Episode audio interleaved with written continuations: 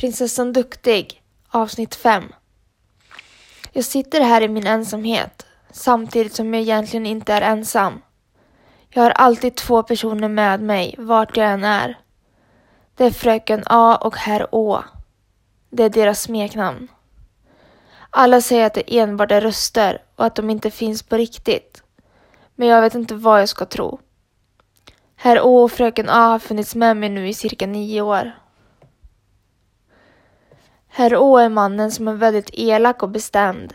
Han styr över mina självskador och mina självmordsförsök. Han står även för allt djävulskt som händer och sker. Han är riktigt arg på mig för att jag kommit ut med detta.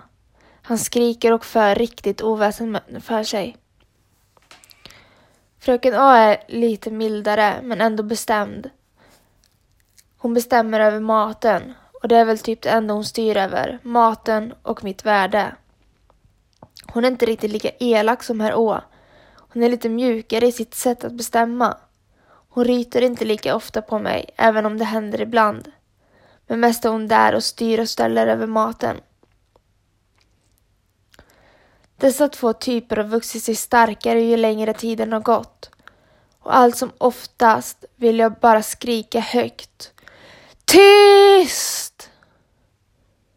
Men jag är för feg. Så oftast tänker jag bara ordet tyst i repeat i mitt huvud.